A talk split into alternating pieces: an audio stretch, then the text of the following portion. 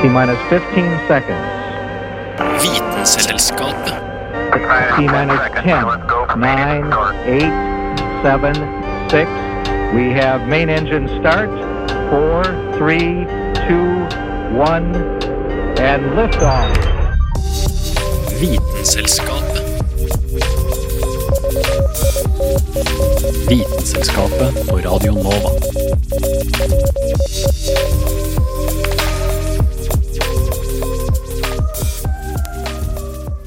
Hei alle sammen, og hjertelig velkommen til en ny utgave av Vitenselskapet her på Radio Nova. Ofte så begrenser jo vitenskapen seg tilsynelatende til det følbare, eller det synbare, det som faktisk ligger foran oss. Hvordan funker denne duppeditten her, da? Eller hvor gammel er denne steinen? Men i dag, vet du, i dag dykker vi inn i det vi nettopp ikke kan se, eller høre. Vi kan nemlig by på en meny fylt av opplysning om alt det mystiske som foregår der ute, som vi ikke får med oss. Jeg heter Dag Leo Magnussen. Velkommen til Vitenselskapet. Vitenselskapet, more like science party, am I right?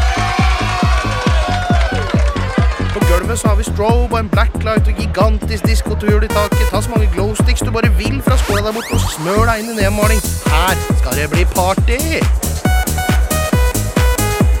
Fy søren, den skjorta di lyser helt sjukt.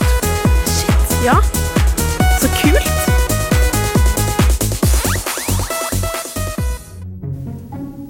Festen er over. Du går ut fra diskolokalet, og du er på vei hjemover. Verken den hvite T-skjorten din eller ansiktet ditt som er smurt med neonmaling, lyser opp lenger. Hva var det som skjedde? Hvorfor lyser ikke disse tingene opp lenger? Så hvorfor lyste den hvite T-skjorten din opp når du var på diskoteket? Som du kanskje husker, så var jo det strobelys, det var blacklight, og det var en gigantisk diskokule på dansegulvet. Men ellers så var jo det helt mørkt. Vel, det som gjorde at T-skjorten din og neonmalingen lyste opp, var fordi at det var blacklight i rommet. Blacklight er egentlig en helt vanlig lyskilde, akkurat som et livstoffrør eller et levende lys. For alle disse sender jo ut elektromagnetisk stråling. Men hvis du har sett, så lyser ikke akkurat et blacklight opp et rom på samme måte som en vanlig lyspære man har i huset. Og dette er fordi at blacklight sender ut UV-lys som vårt menneskelige øye ikke klarer å se. Og UV-lys, eller ultrafiolett stråling, er elektromagnetisk stråling som sender ut bølgelengder som er kortere enn synlig lys. Altså, vi klarer ikke å se det. Og det som skjer da med denne hvite T-skjorten din, er at den absorberer et foton fra UV-lyset, og så sender det ut et foton igjen med lengre bølgelengde. Altså en bølgelengde som vi kan se, og derfor oppfatter vi som at T-skjorten vår gløder. Og det samme skjer med malingen du hadde i ansiktet. Dette fenomenet kalles luminiscens, og det betyr rett og slett at et stoff har evne til å sende ut synlig lys etter at det har mottatt energi utenfra. Men det er jo ikke alt som har denne evnen, og som kan lyse opp under et blacklight. Dersom du f.eks. hadde på deg en svart T-skjorte istedenfor hvit, hadde ikke den glødet. For at det skal klare å lyse opp eller få denne glødende effekten, så må det nemlig inneholde fosfor. Og det er fosfor som har denne evnen til å absorbere UV-lys og så sende ut lys igjen med en lengre bølgelengde. Så når du tar blacklight overfor fosfor, så konverterer det lys man ikke kan se, til noe man kan se. Med andre ord så kan alt lyse opp under et blacklight så lenge det inneholder fosfor. Og noen typer vaskemiddel inneholder fosfor, og det er derfor visse klesplagg klarer å lyse opp. Også andre ting som markeringstusjer, neonmaling, urin, sæd, tenner og faktisk tonicvann lyser også opp. Så neste gang du er på disko, drikk gin and tonic, for da får du en fancy, glødende drink. Blacklight blir ikke bare brukt til festlige anledninger, sånn som på diskoteket. Det blir også brukt for å vertifisere ulike verdipapirer, som ID og penger. I mange land så markerer de nemlig pengene sine med fosforstriper. Så når man da lyser UV-lys over pengene, så kan man sjekke om de er fake eller ikke.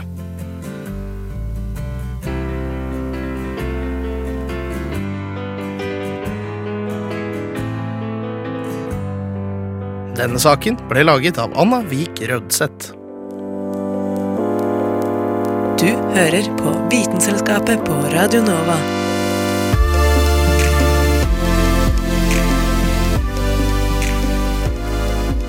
Visste du at 80% av sanseinntrykk kommer fra synet? 80% altså. Hva skjer da når noen mister dette, eller blir født uten? Du har kanskje vært eh, på tur i skogen, stoppet opp og lukket øynene for å bare høre den fredelige lyden rundt deg. Du føler kanskje at du blir mer oppmerksom på lydene du ellers ikke ville hørt om du gikk der med åpne øyne. Men har du da fått et lite inntrykk av hvordan hverdagen er for blinde? Er det sånn at blinde hører bedre enn oss seende, eller er de bare bedre til å bruke hørselen?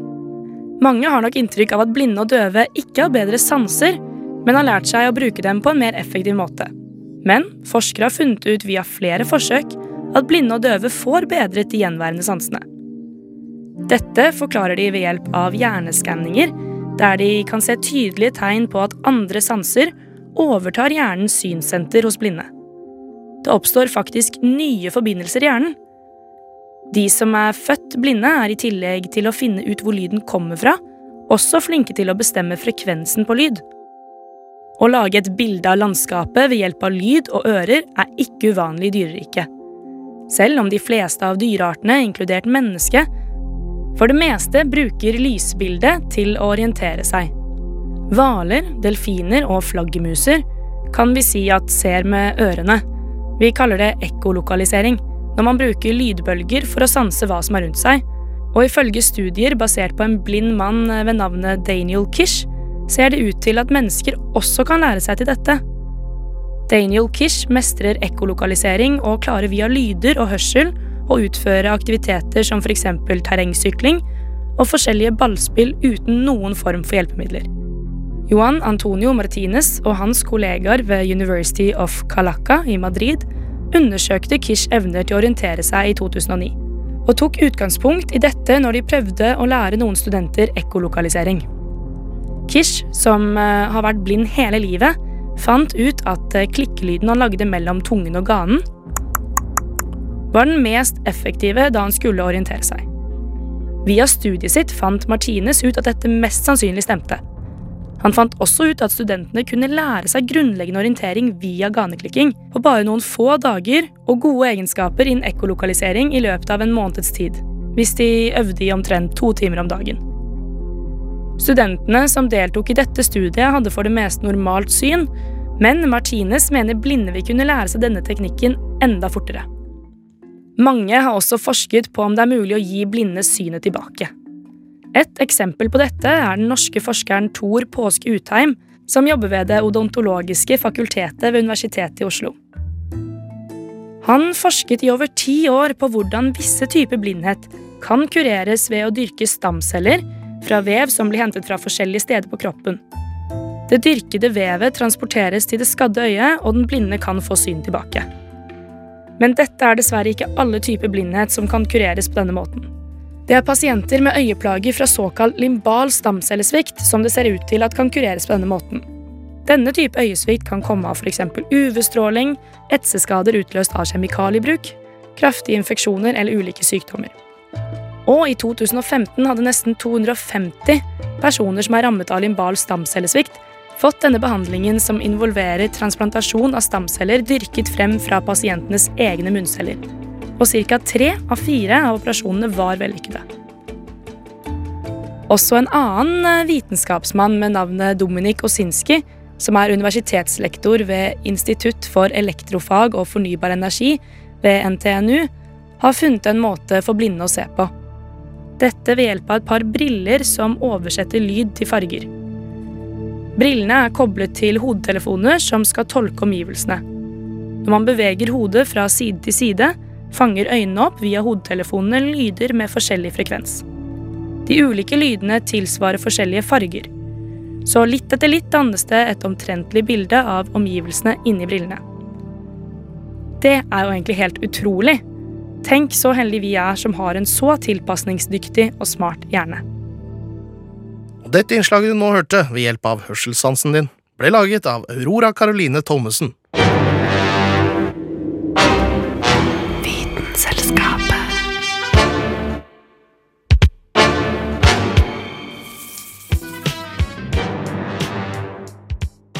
Noen ting er akkurat så varmt at du ikke kan se det med det blotte øyet, men med litt ekstra hjelp så går alt. Se for deg det dypeste mørket, ute i skogen. Ingen lommelykt, ingen hodelykt og ingen lys. En bil kommer kjørende, og den har ingen lys på, så du ser den ikke, du bare hører den. Men fortsatt finnes det ei løsning for å se hvor den er. Bilen utgjør jo tross alt varme.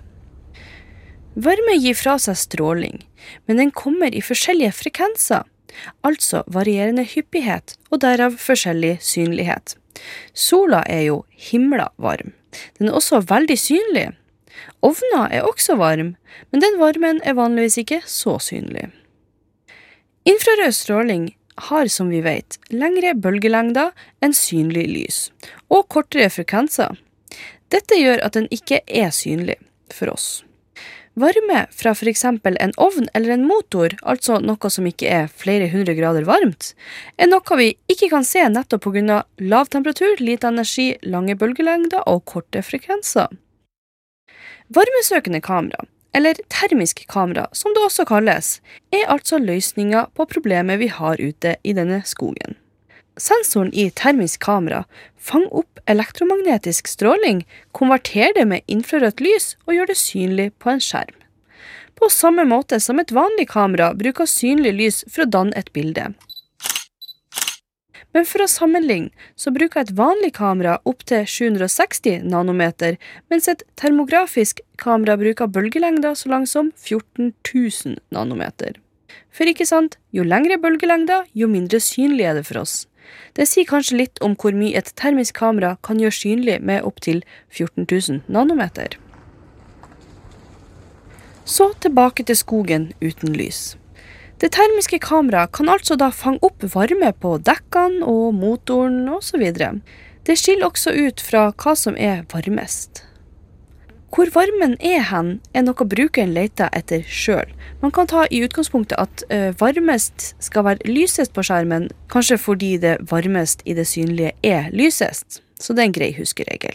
Men dette med å skille ut forskjellige ting på et objekt, sånn som der er dekket, der er motoren og sånn, er faktisk veldig nyttig for mange på forskjellige måter. Brannvesenet kan bruke dette til å sjekke ut ulmebranner og se om det er litt varmt i gulv eller tak, og deretter se forskjell på temperaturen. Og se om det er et objekt som skiller seg ut på skjermen, og da det er lysere, ergo varmere enn resten. Fordi med et termisk kamera får du ikke bare opp det som er ekstra varmt, men alt det rundt det også. Det du leter etter må bare være litt varmere enn resten, og skille seg ut, altså være lysere på skjermen. Politiet kan ofte ha bruk for slike kamera i jakten på en gjerningsperson. Hvis de vet hva de leter etter, hvor de skal lete, og med hjelp av helikopter, så kan dette være veldig effektivt. Eksempel en person på rømmen i et boligstrøk. Myter knytta til varmesøkende kamera er f.eks. at man kan se gjennom vegger eller glass. Man kan altså ikke se en person inni et hus, bare fordi at de er veldig varme. Det tar altså bare for seg overflatetemperaturen, så vi kan kanskje skylde på actionfilmer for denne feiloppfatninga. Denne saken ble laget av Ida Katrine Vassbotn. Vitenselskapet. Vitenselskap. Vitenselskapet. Vitenselskapet. Vitenselskapet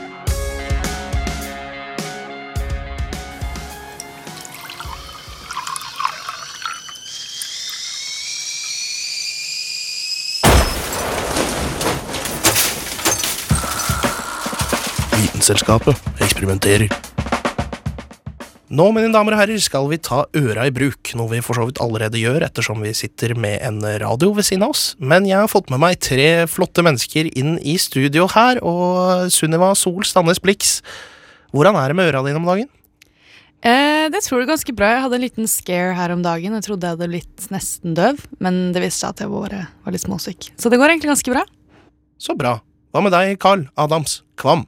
Eh, jo, uh, jeg er litt tett for tinn når jeg hører det med en gang. Men uh, jeg hører forholdsvis eh, greit. Jeg, jeg ser litt dårlig, så jeg tror at jeg har kompensert litt med hørselen, faktisk. Så jeg hører godt. Ja, det er bra. Edvard Brudli Moen, du er glad i dansemusikk. Hører du, selv om du hører på den dansemusikken din? Foreløpig er hørselen med meg, og jeg tror den er relativt on par. Ja, men så bra. For dette vi nå skal gjøre, er altså å gjennomgå en hørselstest. En ganske så standard hørselstest som baserer seg på kilohertz. Og vi begynner med en lyd alle skal høre, uansett hvor gamle de er. Så prøv den. Ja, det var faktisk ganske ukomfortabelt. Oi, ja. Jeg hørte den i hvert fall, for det var ikke en behagelig opplevelse. Nei, dette var da altså 8 kilohertz. Uh, alle mennesker i alle aldre skal høre den lyden. Selv dere som sitter her hjemme, som får faktisk uh, både frivillig og ufrivillig delta i vårt eksperiment, om du akkurat nå skulle ha skrudd over på Radionova FM 99,3. DAB, for øvrig. Men den hørte vi da altså alle sammen. Alle ga en liten grimase her. Så da tenker jeg vi går til 12 kilohertz, en lyd alle under 50 skal høre. Ai, ai, ai. Uh, ja, det blir godt å bli ferdig med den testen her, uh, føler jeg. Men eh, den hørte jeg jo. Sunniva, hørte du? Ja, jeg hørte det veldig godt. Jeg forstår at dette blir brukt som et torturmiddel i enkelte land. Men da, da skifter vi fra under 50 til under 40. Ja. Mm. Den er der fortsatt. Absolutt. Men Ja. vi skal jo egentlig bare være glade for det, da, at vi hører bedre enn 39-åringer. Ja, men det, det kan vi faktisk få etablert her med en gang, fordi jeg har nettopp fylt 27 år. Sunniva, hvor gammel er du? Nei, jeg er 21, da. Du er 21. Carl? Jeg er 23. Du er Jeg blir snart 23? 24. Ja, snart gratulerer med dagen, da. Du får den når du fyller. Og du, Edvard? I min beste alder 26. 26. Ja, da har vi på en måte litt delt panel her, men vi får jo se om det kommer til å komme til syne etter hvert, da. Nå skal vi høre 16 kHz. Et gjennomsnittsmenneske under 30 skal høre det her, så nå krysser jeg fingra. Ja, nå rekker jeg opp hånda, for den hørte jeg. Ja, den hørte jeg Mm. Jeg hørte den også veldig godt. Ja, alle fire hørte den.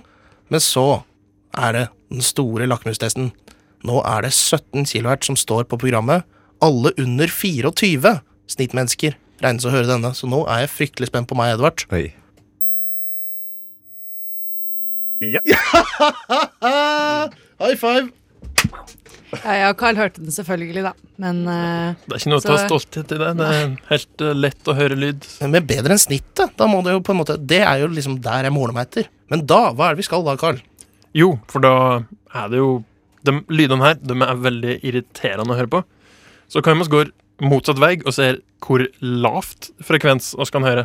Så menneskelig hørsel er sånn mellom 20 hertz og sånn 15 000 hertz. Skal vi begynne på 40 hertz. Og det likte jeg bedre enn de derre ja. Det jo deilig. litt mer sånn bass. ja, Litt mer trøkk. En er herlig lyd. Litt, litt meditativ, kanskje. Mm. Den er fin. Skal vi ta det hakket lavere, til 30 hertz? Skru opp subwooferen. Skru opp wooferen. Ja, det er litt mer sånn nesten som en vibrasjon, men man hører den jo. Jeg ser liksom for meg en sånn enorm katt. En sånn katt på størrelse med Empire State Building som ligger og maler. Den ville malt på den måten her. Ja, Jeg tenkte bare på en sånn kjempestor høyttaler. Ja, En kjempestor høyttaler. Eller en stor, stor katt. Jeg liker det bildet. Ja. En stor katt. Skal vi se. Enda større katt på 25 hertz. Det er motor, altså. Jeg får motorassosiasjoner. Skal vi se Ja, men- motoren eh, fortsette nedover. Ja, men nå som du har gitt meg den der svære katten i hodet, så tenker jeg bare på murrende katter. jeg. Ja. Blir det bare større og blir større, den da? større? Ja, eller egentlig så Ja, den blir jo kanskje bare litt eh, svakere og svakere. Kanskje den er på dødsleiet. Nei, jeg skal slutte å spekulere på livet til den katten, men Hva er det vi ikke skal høre her, da? Eller når er det vi kommer til uh, Det er ca. 20 som skal være normalen. 20? Ja, så vi håper dere der hjemme henger med oss og hører det samme vi hører. Ja, ok. Dødsleiet til katten fortsetter. 20 hertz. Ja, Ja, jeg er med, jeg, altså. det er Nå begynner vi å bevege oss i det ukjente. Så da tar oss bare og ser om Går det an å faktisk høre det på 15? Jo, jeg hørte det nå, altså. Ja, Ja, ja. jeg også. Men da begynte det å bli svakt. Gratulerer. Vi hører veldig godt, Sunniva. Jeg tar det skikkelig til hjertet, så jeg er veldig veldig fornøyd Ja. med egen uh, hørsel. Men, men vi må jo for så vidt innom når vi først er inne på et eksperiment om hørsel. Så har vi vel alle sett en uh, viss episode av uh, South Park, eller hørt myter om den ellers, at det finnes en tone, en frekvens, som visstnok skal uh, Ja, fordi det er jo sånn litt sånn sketchy vitenskap, men ideen er at når du hører den lyden her, så skal du måtte gjøre ditt fornødne. Og det er ikke nummer én det er snakk om.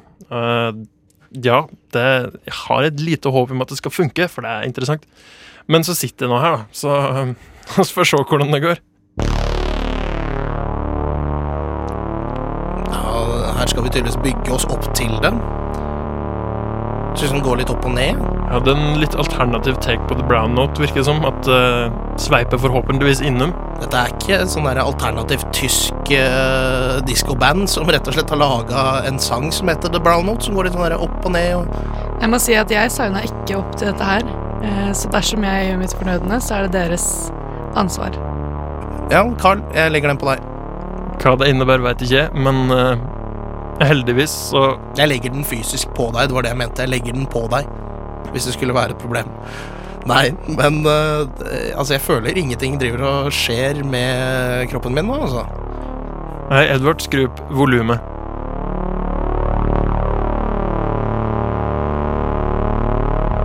Jeg føler det er mer en scene fra første verdenskrig hvor det flyr et sånn biplane over linjene til uh, den andre styrken.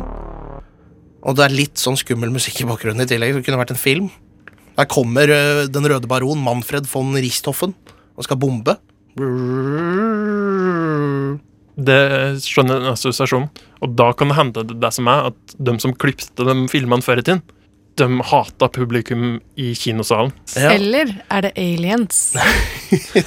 Det kan det faktisk også være. Det var et godt eksempel, ja. Nei, jeg tror vi må konkludere her med Jeg hadde håpa på en måte vi skulle få et mer skille her, da. Spesielt siden vi er ikke så langt fra hverandre i alder, men det skulle være lyder bare dere kunne høre, og ikke vi kunne høre. Men øh, vi hører veldig bra. Jeg håper dere hjemme også hørte det meste. Vitenselskapet. Vitenselskap. Vitenselskapet. Vitenselskapet. Det er lett å tro at verden ser og høres ut slik vi opplever den. Men da glemmer vi at en rekke skapninger her på jorda kan være i stand til å sanse et større spekter enn oss, og kommunisere sammen på måter som er usynlige eller uhørbare for mennesker.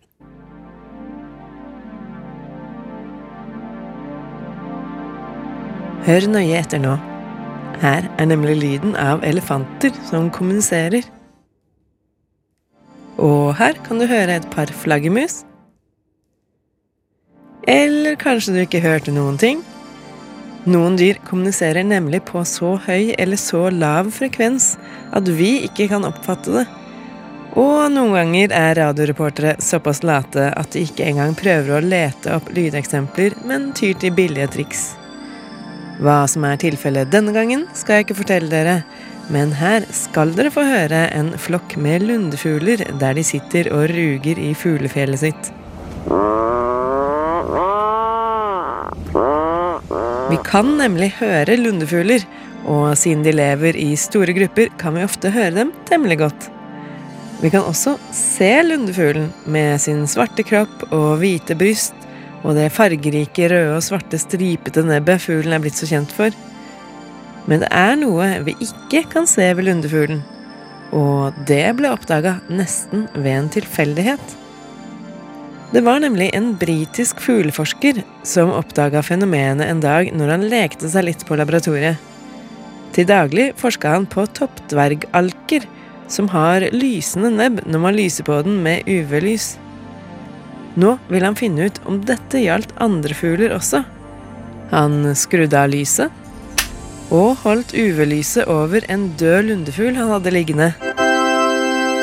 Nebbet til lundefuglen lyste opp med sterke, lysende striper. Usynlig for oss, men synlig for andre lundefugler. Deres fargesyn skiller seg nemlig fra vårt, for mens vi ser alle farger som en blanding av tre grunnfarger, ser de i fire grunnfarger. Det er dermed helt umulig å tenke oss hvordan de faktisk ser verden. Men det er i hvert fall sikkert at de har et helt annet syn på sakene enn oss. Så hva bruker fuglene disse stripene til? Det er det irriterende nok ingen som veit, siden dette er en såpass ny oppdagelse ennå. Men eh, sannsynligvis er det en måte for hannfuglene å imponere hunnfuglene. Det er heller ikke garantert at levende lundefugler har slike lysende striper, siden det bare er blitt testa på en død fugl. De har tenkt å undersøke levende fugler også, men siden UV-lyset kan skade øynene til fuglene, har de laga egne solbriller til dem. Som det kjente ordtaket sier, The beak's so bright. Men eh, la oss gå litt tilbake til begynnelsen her, nemlig flaggermus og elefanter. Så vidt vi veit, har ikke disse noen usynlige mønstre på kroppen, selv om det hadde vært sykt kult. De kommuniserer imidlertid på måter vi ikke kan oppfatte, fordi sansene våre er begrensa. På den annen side kan det kanskje være en fordel for oss. Flaggermusene, som ser ganske små og pinglete ut, er nemlig de mest høylytte dyrene i verden. En flaggermus kan skrike med en desibel på 140, som er mer enn en rockekonsert. For å sette det litt i perspektiv er smertegrensen for et menneskeøre på 120 desibel. Bare tenk hvordan det ville vært å gå rundt i skogen på kvelden når flaggermusene er ute på jakt, hvis vi hadde kunnet høre lydene deres. Det som sikrer skogens ro for oss, er at trommehinnene våre rett og slett ikke klarer å vibrere så raskt som lydbølgesvingningene går når flaggermusene slipper ut sine høyfrekvente lyder.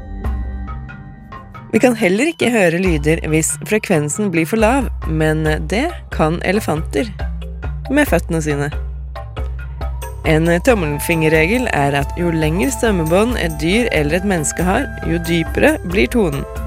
Med tanke på størrelsen til en elefant er det få som blir overraska over at de kan lage veldig dype lyder, noen ganger dypere enn de vi kan høre. Det som overraska forskerne, var at elefantene kan bruke de flate føttene sine til å fange opp vibrasjoner langt bortefra, litt som telefoner. Vi kan ikke merke disse vibrasjonene, så hvis du vil vite om elefanten får en viktig beskjed, må du følge med på føttene deres. De løfter nemlig ofte det ene forbenet når de lytter til en beskjed fra elefanter langt bortefra. Men eh, hvis elefanter hører med føttene, hvorfor har de da så store ører? Altså, elefanter har god hørsel generelt, men de store ørene har også en annen funksjon. De brukes til avkjøling. Blodet kjøles raskere ned når det går ut i blodårene i de store og flate ørene. Elefanter bruker med andre ord kroppsdelene sine på litt andre måter enn det som er logisk for oss. Men eh, så vidt vi veit, er det heldigvis ikke sånn at elefantene ser med snabelen og lukter med støttennene. Det er et relativt godt kjent faktum at elefanter ikke kan hoppe, og forskere tror at dette trolig er en kombinasjon av stor vekt og lite fleksible bein. Men Vitenselskapet lanserer herved en ny teori, nemlig at elefanter ikke vil hoppe, fordi de bare må holde seg online til enhver tid. Hun som lagde denne saken, heter Kristin Grydland.